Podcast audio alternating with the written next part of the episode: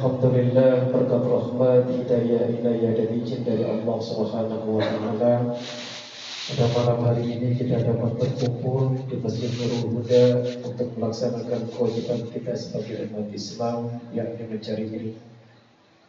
Kita berdoa memohon kepada Allah Subhanahu wa taala semoga duduknya kita di majelis ini mendapat ridho dari Allah Subhanahu wa taala. Dan semoga ilmu yang akan kita pelajari menjadi ilmu yang bermanfaat untuk kita semua. Salawat dan salam semoga Allah limpahkan kepada junjungan kita Habibana wa Nabiyana Muhammad Sallallahu Alaihi Wasallam kepada para keluarganya, para sahabatnya, para awliya Allah dan kepada seluruh pengikutnya dari dahulu sampai sekarang dan pada masa yang akan datang. Sebelum kita ngaji, mari kita berdoa memohon kepada Allah Subhanahu wa taala semoga sekali lagi ilmu yang akan kita pelajari menjadi ilmu yang bermanfaat untuk kita semua. Ikuti saya A'udzu billahi minasyaitonir rajim. Bismillahirrahmanirrahim. Bismillahirrahmanirrahim. Raditu billahi rabban. Raditu وبالإسلام دينا وبمحمد النبي ورسولا ربي زدني علما وارزقني فهما برحمتك يا أرحم الراحمين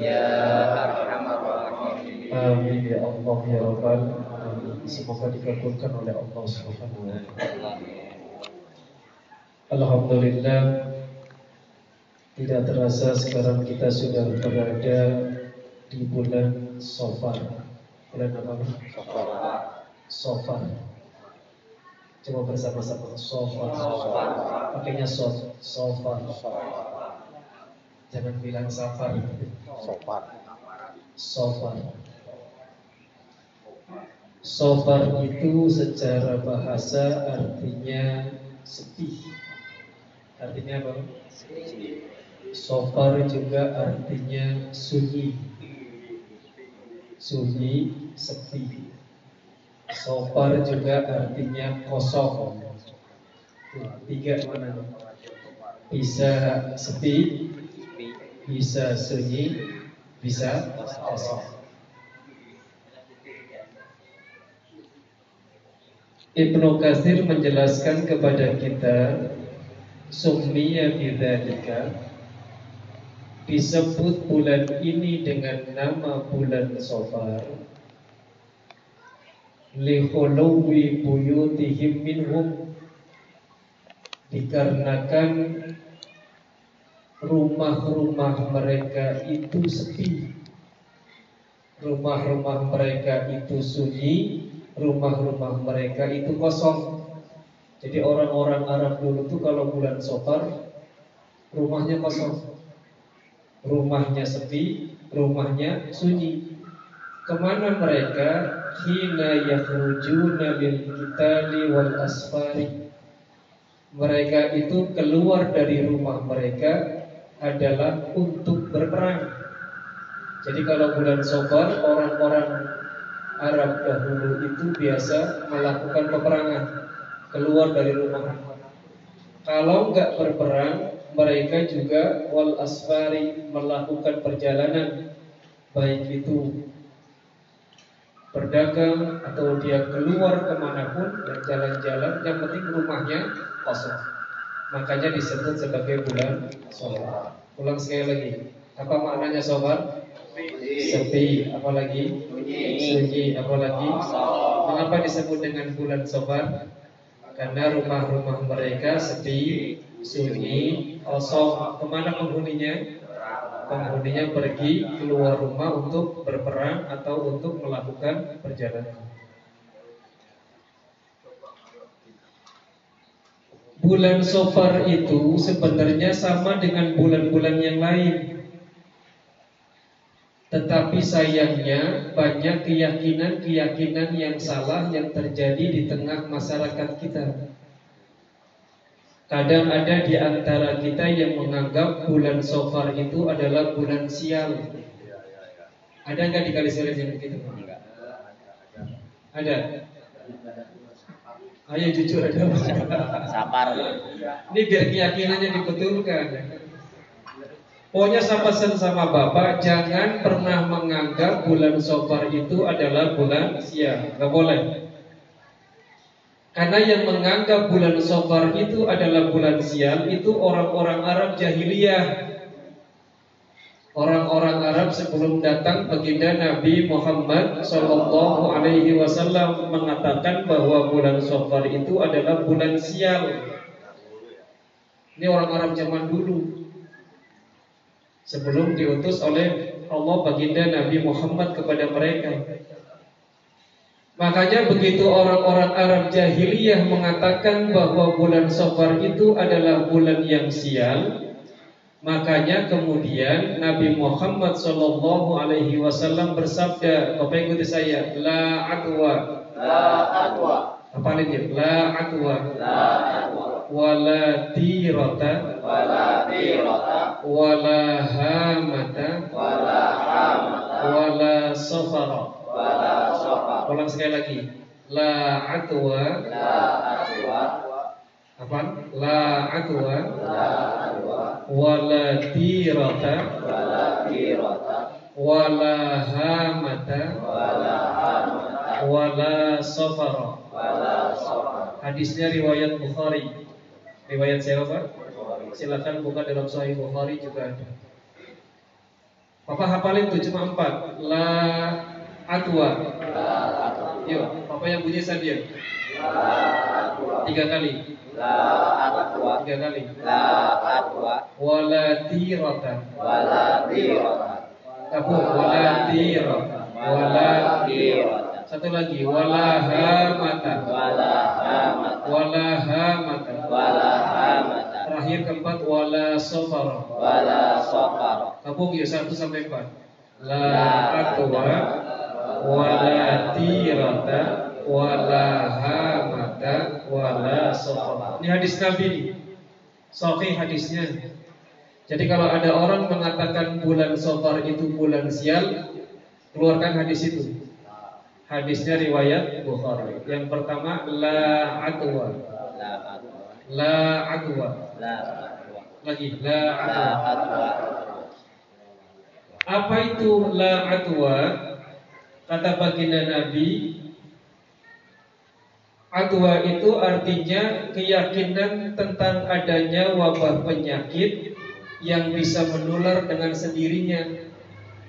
Kalau orang Islam itu nggak boleh punya keyakinan begitu bahwa kalau ada penyakit itu menular, menularnya itu pasti karena izin dari Allah Subhanahu.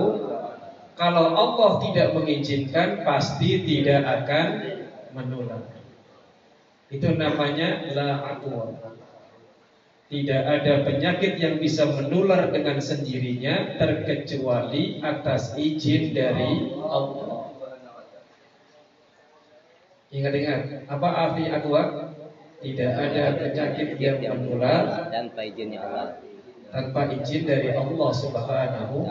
Jadi kalau ada penyakit menular, berarti Allah ngizini dan pasti ada sebab. Wala tirata bersama-sama. Wala tirata. Tirata itu atau tiarah itu keyakinan. Jadi orang-orang Arab jahiliyah itu punya keyakinan gini pak. Kalau mau pergi dari rumah, mereka itu suka melihat burung. Kalau pas dia mau pergi dari rumah, dia lihat burung dan kemudian burung itu terbang ke arah sebelah kanannya, itu berarti kalau dia melakukan perjalanan di hari itu akan muncul. Kalau burungnya ke mana terbangnya? Sebelah kanan. Kalau burungnya terbang ke sebelah kiri, itu berarti kalau dia melakukan perjalanan hari itu, maka dia akan sial. Ini orang-orang Arab jahiliyah dulu gitu. Jadi kalau mau jalan, dia lihat burung, burungnya lepasin. Kalau dia burung terbangnya ke kanan, berarti dia muncul, dia jalan. Gitu. Kalau burungnya terbangnya ke kiri, berarti sial, dia yang gak jadi jalan. Itu orang Arab jahiliyah pak. Nah orang kita banyak yang niru tuh. Iya gak sih pak? Tapi alhamdulillah kali Selinmu nggak ada soleh semuanya.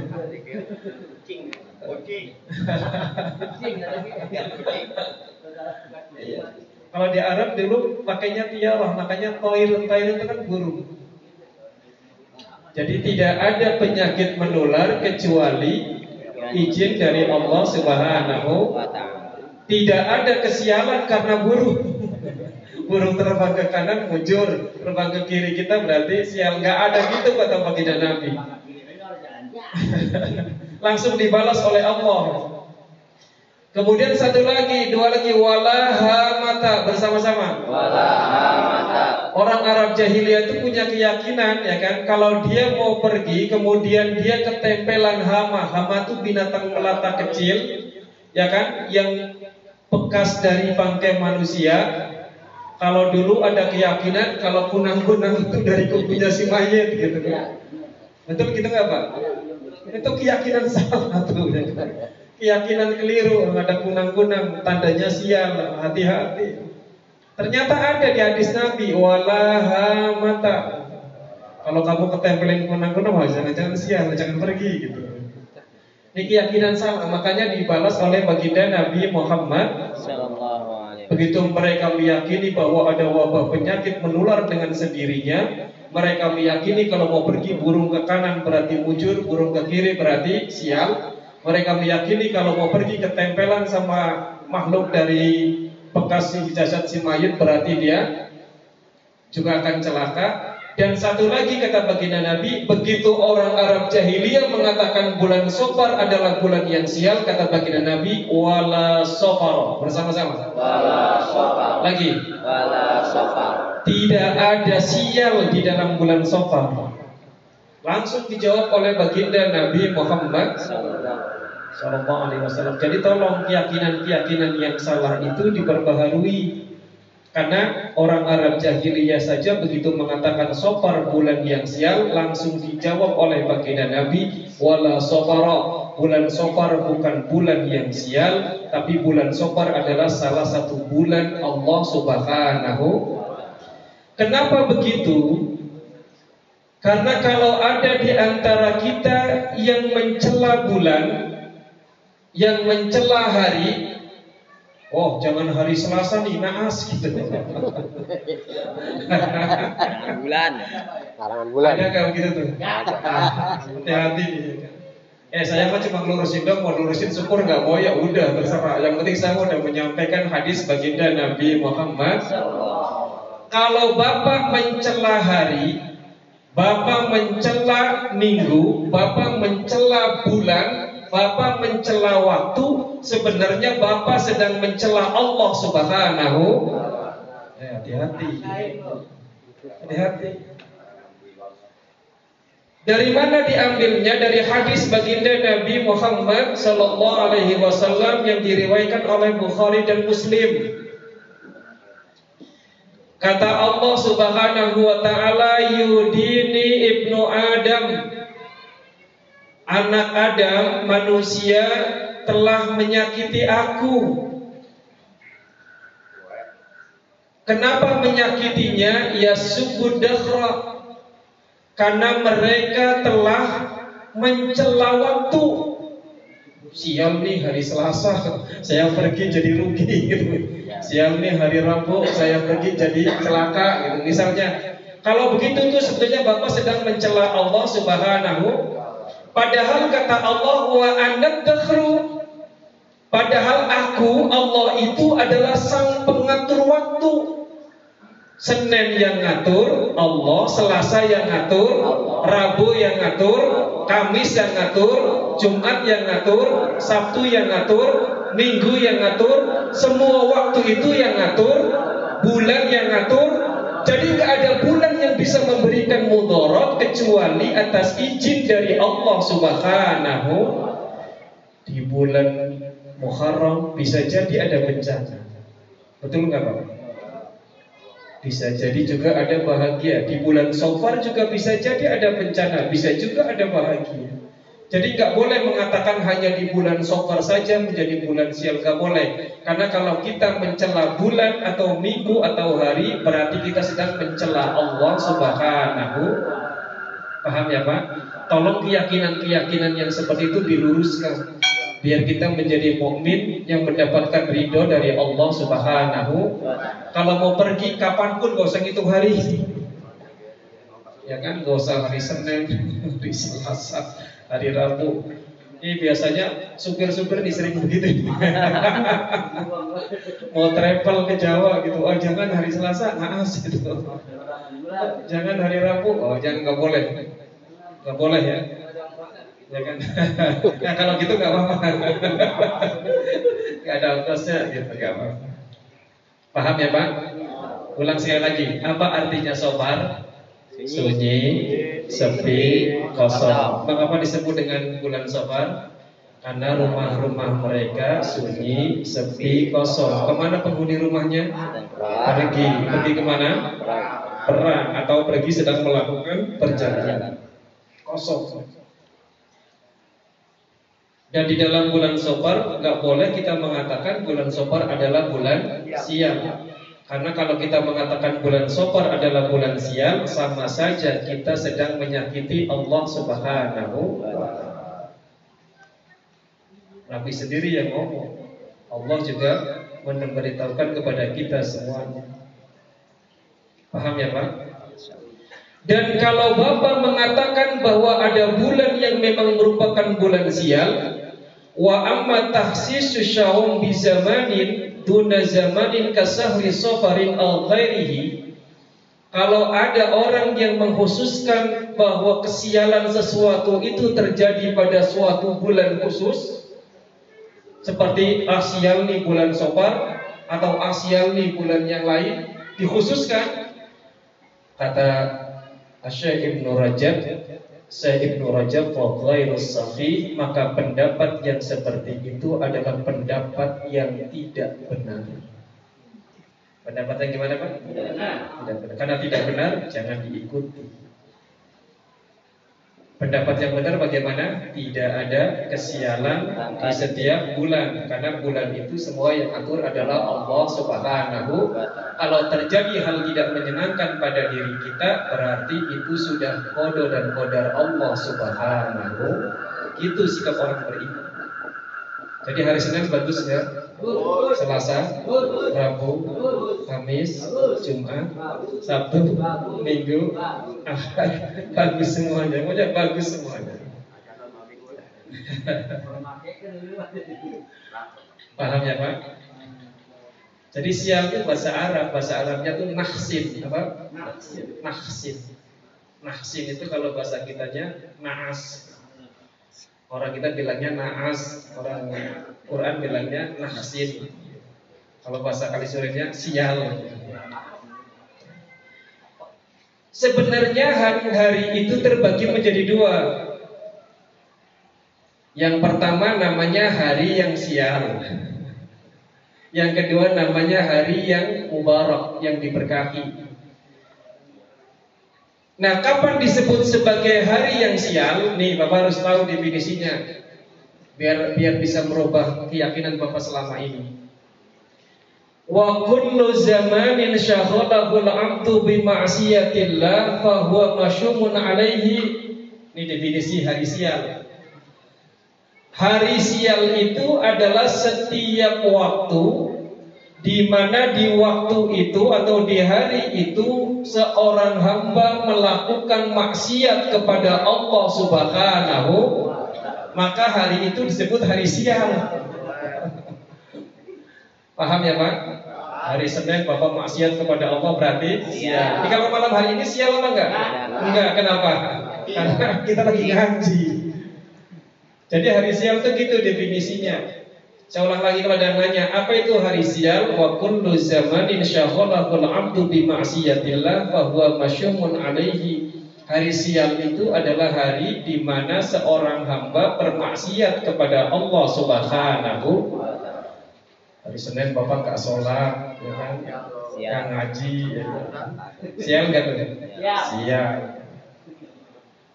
Nah kebalikannya siang adalah hari yang diberkahi Hari yang diberkahi itu namanya Mubarak Hari apa? Mubarak Apa itu hari mubarak? Fakullu zaman saghallahul mu'min bi ta'atillah fa huwa zamanun mubarak alaihi. Nah, hari yang diberkahi itu adalah hari di mana di hari itu seorang hamba melakukan ketaatan kepada Allah Subhanahu wa taala. Jadi mulai hari ini keyakinannya begitu. Kalau Bapak hari ini melakukan ketaatan, berarti hari ini baik apa siap? Baik. Baik. Diberkahi enggak? Diberkahi. Kalau Bapak hari ini ngelakuin dosa, baik apa siap? Siap. Jadi hari siap itu gitu. Ya Pak ya, pokoknya rubah keyakinannya. Jadi hari siap itu hari seorang hamba bermaksiat kepada Allah. Kalau seorang hamba melakukan ketaatan kepada Allah namanya hari yang diberkati. Kalau di Kaliseren gimana? Kalau bulan Sofar adakah yang berani melakukan pernikahan? Ada Pak. Ada, bagus, ya kan? bagus. Karena nggak ada nggak ada larangan. Ya kan? Bahkan baginda Nabi Muhammad SAW menikah dengan Sayyidah Khadijah itu pada bulan Sofar. Makanya menjawab pertanyaan-pertanyaan orang Arab jahiliyah. Yang katanya sial, kata siapa nyatanya berkah. Sayyidina Ali karamallahu wajhah menikah dengan Sayyidah Fatimah juga bulan Safar. Perang Khaybar juga terjadi pada bulan Safar dan nyatanya umat Islam menang bukan bukan siang dalam perang. Iya Pak. Masalah. Itu jawab. Perang Abwa juga sama terjadi pada bulan Safar. Jadi banyak kejadian-kejadian terjadi pada bulan Sofar menjawab pemahaman yang salah orang Arab jahiliyah yang mengatakan bahwa Sofar itu sial. Padahal enggak. Nyatanya perang Khaybar umat Islam menang ketika perang telak lagi. Makanya saya minta kepada Bapak keyakinan-keyakinan yang salah selama ini diperbaharui agar kita semua menjadi orang-orang yang diridhoi oleh Allah Subhanahu. Eh ada yang nanya sama saya, Pak Ustadz terus itu kalau rebawasan gimana? ya kan? Itu mah dulu kebetulan sebenarnya. Ini Bapak biar tahu sejarahnya. Apa Pak? Kebetulan. Jadi dulu ceritanya gini Bapak. Ada sebuah kaum, sekelompok kaum lah. Namanya kaum Ad. Siapa namanya Pak? Lagi kaum Ad. Kaum Ad itu adalah kaumnya Nabi Hud alaihi salam. Kaumnya siapa Pak? Nabi Hud alaihi salam. Diajak berdakwah, diajak beriman kepada Allah, diajak menyembah Allah oleh Nabi Hud, kagak mau. Sombongnya luar biasa. Kenapa? Karena kaum Ad ini badannya tinggi-tinggi, Badannya tegap, tinggi, besar, kuat, kaya raya, pintar. Coba orang tuh kalau udah punya begitu biasanya sombong. Badannya tinggi, tegap, gagah, kuat, kaya raya, pintar, oh, pasti sombong biasanya. Ini orang kaum kami ini masalah ngomong kaum Sombong banget luar biasa diajak oleh Nabi Hud untuk menyembah Allah Subhanahu wa taala ngomongnya apa? Hud, jangan-jangan lu gila ya. Ngapain nyembah Allah tanpa nyembah Allah aja saya udah kaya raya, udah pinter, udah gagah, udah kuat, kata kaum mati. Diajak terus malah di diolok-olok tuh Nabi Hud alaihi salam, dijelekan, dianggap gila oleh kaum Ad.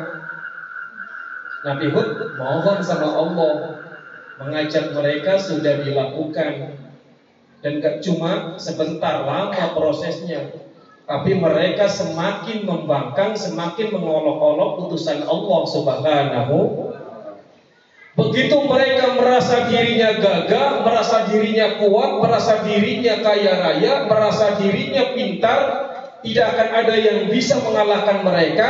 Apa kata Allah di dalam Al-Quran surat Al-Qamar ayat 19? Surat apa Pak? Al-Qamar ayat berapa? 19. Nanti Bapak pulang dibuka, barangkali saya salah. Apa kata Allah? Inna arsalna alaihim rihan sarsara. Coba ikut saya. Inna arsalna alaihim rihan sarsara. Lagi. Inna arsalna alaihim rihan sarsara fi yaumin nahsin mustamir fi yaumin nahsin mustamir kalau bahasa kitanya gini Begitu kaum Ad yang merasa dirinya kuat, gagah, pinter, kaya raya menyombongkan diri kepada utusan Allah, inna sesungguhnya kami Allah arsalna kami kirimkan alaihim kepada mereka kaum Ad yang belagu, sombong, tidak mau menerima petunjuk dari Allah lewat Nabi Hud alaihissalam. Apa yang dikirimkan oleh Allah kepada mereka? Rihan. Apa Pak? Rihan itu kalau bahasa kitanya angin. Anginnya nggak cuma angin, rihannya sor-soro. Rihannya apa Pak? Rihan sor-soro itu artinya angin yang sangat kencang. Gak cuma angin biasa, kalau angin biasa enak sepoi-sepoi orang tidur. Ini mah rihannya sor-soro. Anginnya sangat kencang. Nah, rihan sor-soro itu terjadi fi yaumin nahsin pada hari naas, pada hari sial. Kenapa disebut dengan hari naas, hari sial? Yang tadi saya sebutkan adalah hari di mana mereka durhaka kepada Allah Subhanahu mustamir secara terus menerus. Berapa lamanya? Tujuh hari, tujuh malam, hampir delapan hari. Bapak pengen tahu anginnya kencang, timpa semua sama mereka. Orang yang gagal ketiup angin itu kepalanya putus. Anginnya kencang, hawanya dingin, nyerang kepada manusia. Setiap orang yang kena angin itu, kepalanya putus, berterbangan semuanya. Dadanya kebelah, beset, khususnya berterbangan semuanya. Coba kalau Allah mau, gampang banget. Makanya jangan nyombong kalau sama Allah jangan belagu. Bagi Allah gampang. Itu kaum Ad dilawannya pakai angin. Makanya orang sekarang kalau durhaka kepada Allah, tidak mau mentaati aturan Allah, tunggu aja waktunya Allah kirimin. Tinggal putus angin soro-soro mampus. eh beneran gak nakut-nakutin saya. Ini Al-Quran yang ngomong ya kan.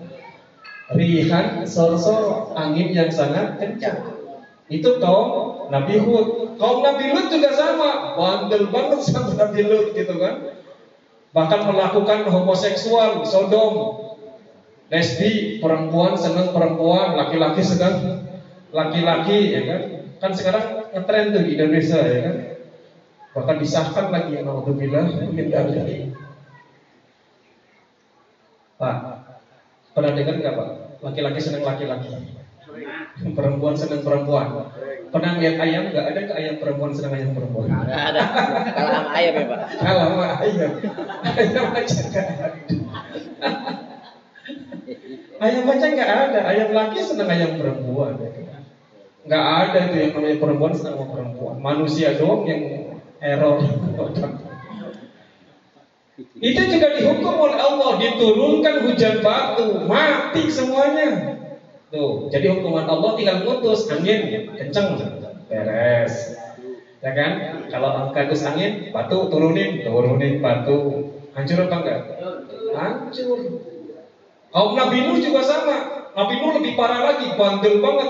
Nabi Nuh itu dakwah di kaumnya Pak, bayangin sama Bapak, 950 tahun. Lama masih sebentar? Pak RW ngajak berapa lama? Belum ada hitungan puluhan tahun kan? Belum ratus tahun lah. Nabi Nuh dakwah di kaumnya 950 tahun. Yang ngikut Nabi Nuh bisa dihitung orangnya. Cuma seukuran perahu doang. Kebayang apa nggak sama bandelnya kaum itu? Apa yang terjadi? Dihukum Allah. Hujan besar terus menerus. Banjir bandang terjadi. Mati semuanya Pak, bayangin. Hanya dari keluarga Nabi Nuh saja yang masih hidup. Yang pertama Ham. Siapa yang pertama? Yang kedua Sam. Ada Sam. yang ketiga Yafis. Yang ketiga siapa? Yafis. Ini Bapak biar tahu nih. Silsilah silsilah manusia. Jadi siapa Pak? Yang pertama siapa namanya? Ham. Yang kedua? Sam. Sam. Yang ketiga? Sam. Yafis. Yafis. Yafis. Jadi di zaman Nabi Nuh semua orang mati. Yang hidup hanya keluarga Nabi Nuh. Dari tiga orang itu, yang pertama Ham, yang kedua Sam, yang ketiga Yafis. Kalau Ham itu adalah bangsa Afrika. Hitam-hitam itu. Bangsa Afrika, bangsa Habsyi atau Afrika. Termasuk India itu dari kategori Ham. Yang kedua, Sam. Dari Sam itu, Sam itu nenek moyangnya bangsa Arab. Jadi kalau bangsa Arab itu nenek moyangnya Sam. Kalau Afrika, Habsi, India nenek moyangnya Ham. Nah kalau Yafis, Yafis itu bangsa Turki, Rusia, Perancis, Yunani, Amerika, Cina, termasuk bangsa Melayu, Indonesia nih masuk kategori dari Yafis dari dari ketiga itu makanya Nabi Nuh dikatakan sebagai bapaknya seluruh makhluk di dunia ini karena dari tiga orang itulah muncul berbagai macam generasi. Paham ya Pak? Dakwahnya berapa lama Nabi Nuh? 950 tahun. Yang ikut banyak apa sedikit? Jadi emang begitulah sudah sudah jadi kalau ngaji sedikit nggak usah nggak usah khawatir orang pilih ngomong nggak banyak Eh beneran saya ngomong sejarahnya memang begitu sunat umum. Nanti nyeselnya kalau udah mati itu baru nyesel Pak RW. Mati itu baru. Kalau belum mati mah masih cuek. Kalau udah mati baru. Nyeselnya belakangan. Gak ada orang nyesel jauh. Paham ya Pak? Paham ya? Nah terjadinya rihan sorsoro itu ya kan menurut Ibnu Abbas terjadi pada Rabu terakhir di bulan Sofar. Makanya disebut dengan Rabu Pungkasan, Rabu Pungkasan. Rabu, ya, Rabu Pungkasan, Rabu terakhir di dalam bulan. Kebetulan apa namanya Pak? Kebetulan. Jadi jangan kemudian dikatakan sebagai bulan sial. Karena adanya terjadinya rihan sorsoro itu adalah pada Rabu terakhir di dalam bulan Paham ya Pak? Mudah-mudahan ada manfaatnya buat kita semuanya. Sampai sini ada yang mau bertanya silakan.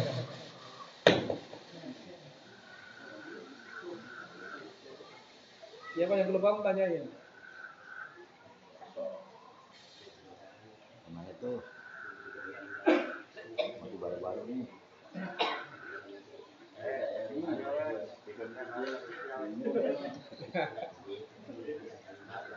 Paham ya Pak?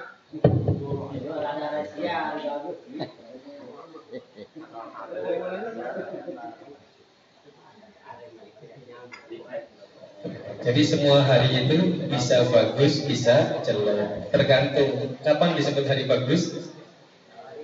Kalau hari itu kita ibadah kepada Allah. Kapan disebut hari jelek atau hari sial? Kalau di hari itu kita bermaksiat kepada Allah. Gampang ya Pak? Jadi gitu melihat pesan sama Bapak jangan mencela hari, jangan mencela minggu, jangan mencela bulan. Gak boleh. Jika ada yang mau nanya silakan. Yang mau nanya silakan.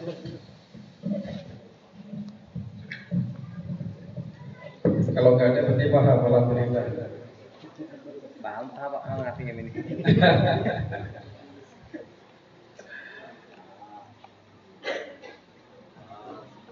Baik, nanya kita doa. Ayo ya kan nanya. Iya. Kamu nanya.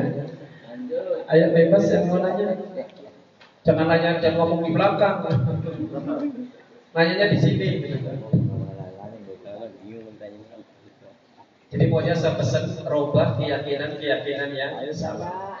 Kalau ada orang mengatakan jangan di bulan Sobar karena bulan Sobar bulan sial, lurusin ya Pak. Mana dalilnya? La adwa wala tirota wala hamata wala sobar. Kalau Bapak nggak bisa pancet bilang aja wala sobaro. Wala sobar. Tidak ada kesialan di dalam bulan Sobar. Kalau ada orang yang bilang hari Selasa, hari Naas, hari sial, bilangnya kamu telah menyakiti Allah Subhanahu Karena yang ngatur waktu itu adalah Allah. Semua waktu yang ngatur Allah. Terus hari yang sialnya bagaimana? Ketika kita berbuat maksiat, Hari ketika kita maksiat kepada Allah. Kalau hari yang diberkahi, ketika kita melaksanakan hari di mana kita melakukan ibadah kepada Allah Subhanahu wa taala. Paham ya? Kenapa kemudian ada yang mengatakan Sofar sebagai bulan yang sial? Karena dulu kebetulan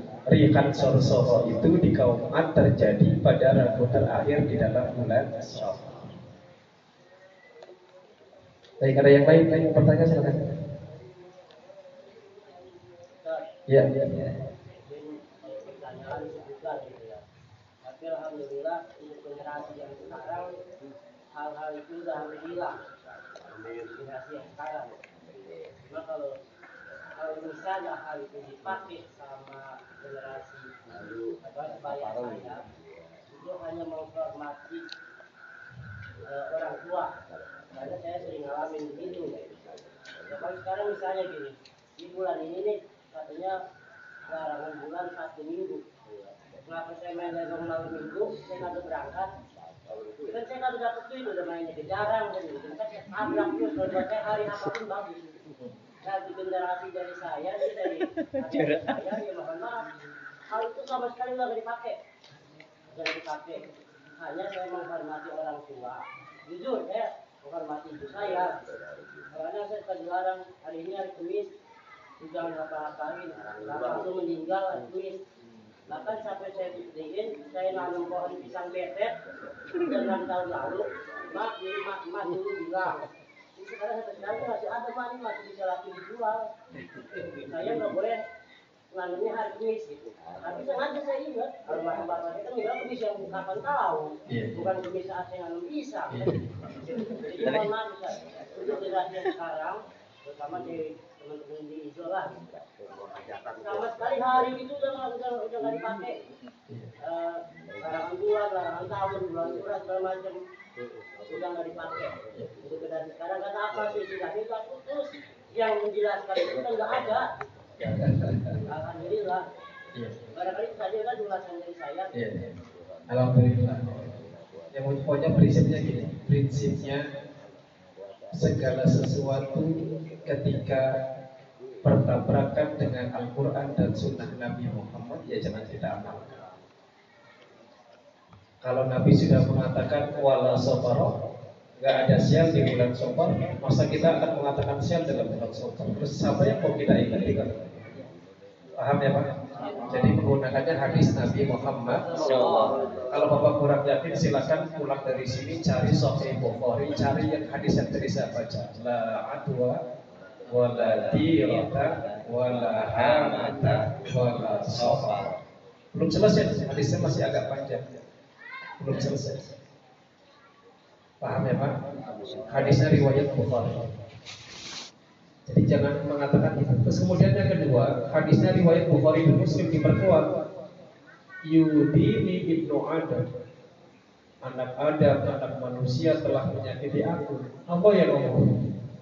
Kenapa? Ya subuh dakhra Karena mereka mencela waktu Siangnya hari Selasa Siangnya hari Rabu Misalnya siangnya hari Kamis Itu namanya mencela waktu Dan mencela hari Kalau mencela waktu, mencela hari Berarti mencela Allah subhanahu Kenapa? Karena kata Allah Wa ana karena aku adalah sang pengendali waktu. Pengendali harinya siapa? Allah. Allah. Nggak ada hari yang bisa menyebabkan kita sial. Kesialan itu bisa terjadi semuanya karena izin dari Allah Subhanahu. Kalau Allah nggak ngizinin, ya nggak sial. Paham ya Pak? Ada orang naik pesawat terbang, pesawatnya jatuh, ya kan? Ada orang yang mati, tapi ada yang masih hidup. Masuk akal nggak? Kenapa? Ya karena mengizin Allah orang itu nggak mati.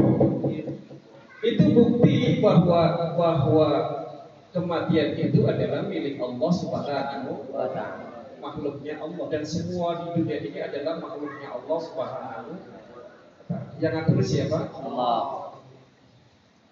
Kata Allah, Biyadil amru aqallibul laila wan nahar Aku aku bisa membolak-balikan yang namanya hari, membolak-balikan yang namanya siang. Aku bisa membolak-balikan yang namanya malam. Yang ngatur siapa? Allah. Jadi jangan anggap itu terjadi dengan sendirinya yang ngatur adalah Allah. Kalau Allah bilang berhenti, berhenti. Kalau Allah bilang tabrakan bulan bumi, tabrakan. Jadi yang ngatur siapa? Allah. Kalau nggak ada yang ngatur, tabrakan semua. Nanti kan nggak ada yang ngatur, bintang pada jatuh, nggak ada rantainya. Ya kan Pak? Lampu ada pegangan. Bintang bapak pernah nggak lihat pegangannya bintang? Nggak ada, tapi nggak jatuh. Bulan sama matahari juga terbitnya bisa begitu. Satu muncul, satu hilang. Satu muncul, satu hilang. Kok nggak pernah berbarengan itu terus tabrakan? Karena ada yang ngatur. Siapa yang ngatur? Allah. Makanya dikatakan Alhamdulillahi Rabbil Alamin. Alhamdulillah segala puji lillahi bagi Allah Rabb Tuhan, Rabb pencipta, Rabb pengatur, Rabb pemelihara, Rabb pendidik al-alamin seluruh alam. Jadi yang ngatur alam siapa? Allah. Yang nyiptain alam siapa? Yang didik alam siapa? Yang melihara alam siapa? Makanya jangan pernah mencela waktu, jangan mencela mencela hari, karena semuanya adalah di bawah kendali Allah Subhanahu. Kalau sama Allah konsepnya gampang. Ikuti saya Pak. Anak, Anak. ingdatat Yuk, bareng yuk. Diyakini. Ini diyakini dengan baik oleh Bapak. Anak, Anak. Indah abdi. Aku itu sesuai prasangka hambaku. Jadi Allah itu sesuai prasangka kita. Kalau kita berprasangka baik dengan Allah, Allah akan berbuat baik dengan kita. Kalau Bapak berprasangka jelek dengan Allah, jelek yang ada. Bapak mengatakan hari ini siang, siang Bapak. Paham ya Pak? Itu konsepnya. Anak indah dhanni amdi. Aku itu sesuai dengan prasangka hambaku. Makanya kalau sama Allah jangan pernah jelek sangka. Udah, berarti itu yang terbaik menurut Allah Subhanahu wa taala. Baik, ada yang lain silakan. Paham apa enggak, Pak? Alhamdulillah. Dan mudah jadi ilmu yang bermanfaat. Bapak suruh banyak susah sih. Ya, udah mudah-mudahan jadi ilmu yang bermanfaat. Kesimpulan sebelum selesai. Kau boleh baca tentang Sopar artinya apa? Bunyi. Apalagi Pi. apalagi Kosong. Mengapa disebut dengan bulan Sopar? Karena Karena rumah-rumah mereka sunyi, sepi, kosong. Ke mana penghuninya? Ya. Pergi dengan keluar dari rumah untuk berperang atau sedang melakukan perjalanan. Kalau ada orang mengatakan Sopar itu bulan yang sial, benar apa enggak? Enggak. Enggak ada bulan sial. Semua bulan adalah baik. Semua hari adalah baik. Semua minggu adalah baik. Orang yang mengatakan ada bulan sial atau hari sial berarti dia telah menyakiti Allah Subhanahu Wa ta'ala. Padahal Allah lah yang mengatur waktu, Allah yang mengatur hari, Allah yang mengatur. Kapan hari itu disebut dengan hari yang sial? Ketika kita maksiat pada kita Allah. melakukan perbuatan dosa dan maksiat itu namanya hari sial. Apa itu yang dinamakan dengan hari yang mubarak yang diberkahi? Kita melaksanakan ibadah dan di kepada Allah. akan melakukan ketaatan kepada Allah Subhanahu. Dalam bulan Safar ada terjadi berbagai peristiwa. Yang pertama pernikahan baginda Nabi Muhammad dengan Sayyidati Khadijah. Kemudian pernikahan Sayyidina Ali dengan Sayyidati Fatimah. Perang Khaybar terjadi pada bulan Safar. Perang Aqwa terjadi juga pada bulan Safar. Jadi jangan mengatakan Safar adalah bulan yang atau bulan yang sial. Dalilnya mana? La atwa wala tira wala hada wala safar. Dan mengapa ada yang mengatakan bahwa eh, sial itu pernah terjadi di bulan Safar? Karena terjadinya angin kencang pada kaum Ad di zaman Nabi Hud alaihissalam itu terjadi pada hari Rabu terakhir di dalam bulan Safar. Kebetulan, apa Pak? Kebetulan. Jadi jangan dikait-kaitan terus begitu. Tapi kalau Bapak misalkan melakukan dosa dan maksiat terus-terusan, nggak mau tobat kepada Allah, bisa jadi begitu. Bisa jadi lihat sosok. Kan Allah tinggal mengutus, mengutus angin saja, mengutus hujan saja, mengutus apa lagi? Ya kan? Banjir pada sekejap. Mengutus kekeringan, ini udah mulai kering kan kita kan? Iya nggak pak? Sumur bapak kering apa nggak?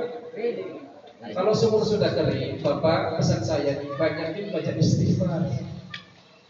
Jadi istighfar itu perintah kita kepada Allah. Jadi jangan bapak omongnya gini. Istighfiru rabbakum innahu kana ghafara yursilis samaa alaikum midrara itu perintah loh Pak gini istaghfiru rabbakum mohon ampun kalian kepada Tuhanmu berarti kita harus berbanyak istighfar. Bukan kemudian kita nyanyiin itu. Orang kita kan pada aneh.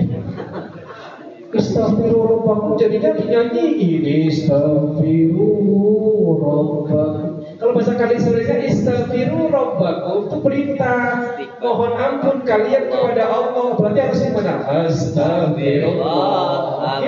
Azim.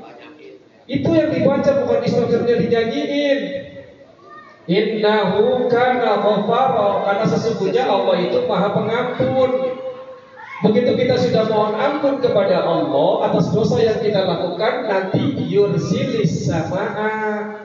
Allah akan menurunkan dari langit dengan alaikum kepada kalian airnya hujannya mitroro yang sangat lebat. Itu maksudnya. Jadi jangan kemudian kitanya salah kaprah.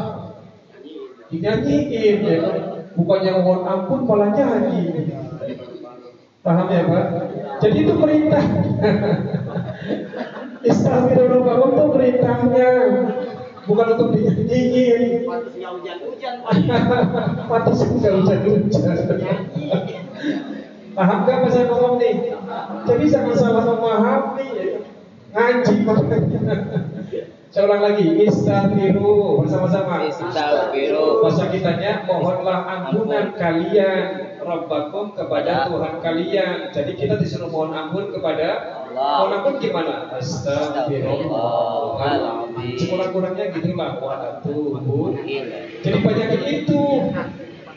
Ya Pak, banyakin itu. Kalau Bapak sudah mohon ampun begitu nanti ya kan innahu kana ghafara. Allah itu Maha Pengampun akan diampuni dosa kita semua. Setelah itu semua baru ya kan kita kepada Allah yursilis sama alaikum midra. Maka Allah akan menurunkan hujan yang lebat dari langit untuk kita semua. Jadi banyakin istighfar kepada Allah Subhanahu. Ini sudah mulai kering di sumur-sumur. Ayo banyakin istighfar. Robah ya Pak, tolong sampai ke ibu-ibu juga, jangan cuma dinyanyiin. Jadi jangan salah kaprah. Disuruh istighfar malah jadi nyolawat. Istighfar. Jadi nyambung ya? Ya saya mah ingetin doang ya. Bapak mau ngamalin syukur, nggak mau ya syukur buat bapak sendiri. Yang penting tugas saya udah selesai menyampaikan ayat Allah dan hadis Nabi Muhammad. Jadi bagaimana caranya tidak banyakin istighfar kepada Allah mulai hari ini. Nanti malam banyakin bila perlu lebih dari seribu. Coba kalau sekarang berkat semuanya aja istighfar kepada Allah, yakin saya besok hujan. Nanti kalau nggak mempan juga bisnis kok. Kalau emang nanti begitu bisnis kok. Iya, kadang gitu. Kadang-kadang ada hal seperti itu yang Allah memberikan pelajaran kepada kita, di antaranya adalah dengan kekeringan yang sangat panas. Ya mudah-mudahan kita semua diberkahi oleh Allah Subhanahu wa taala dan kamu berkat mudah-mudahan barokah terus. Jadi kita doa kepada Allah mudah-mudahan kedua kita di majelis ini diterima oleh Allah Subhanahu wa taala. Ilmu yang kita pelajari menjadi ilmu yang bermanfaat.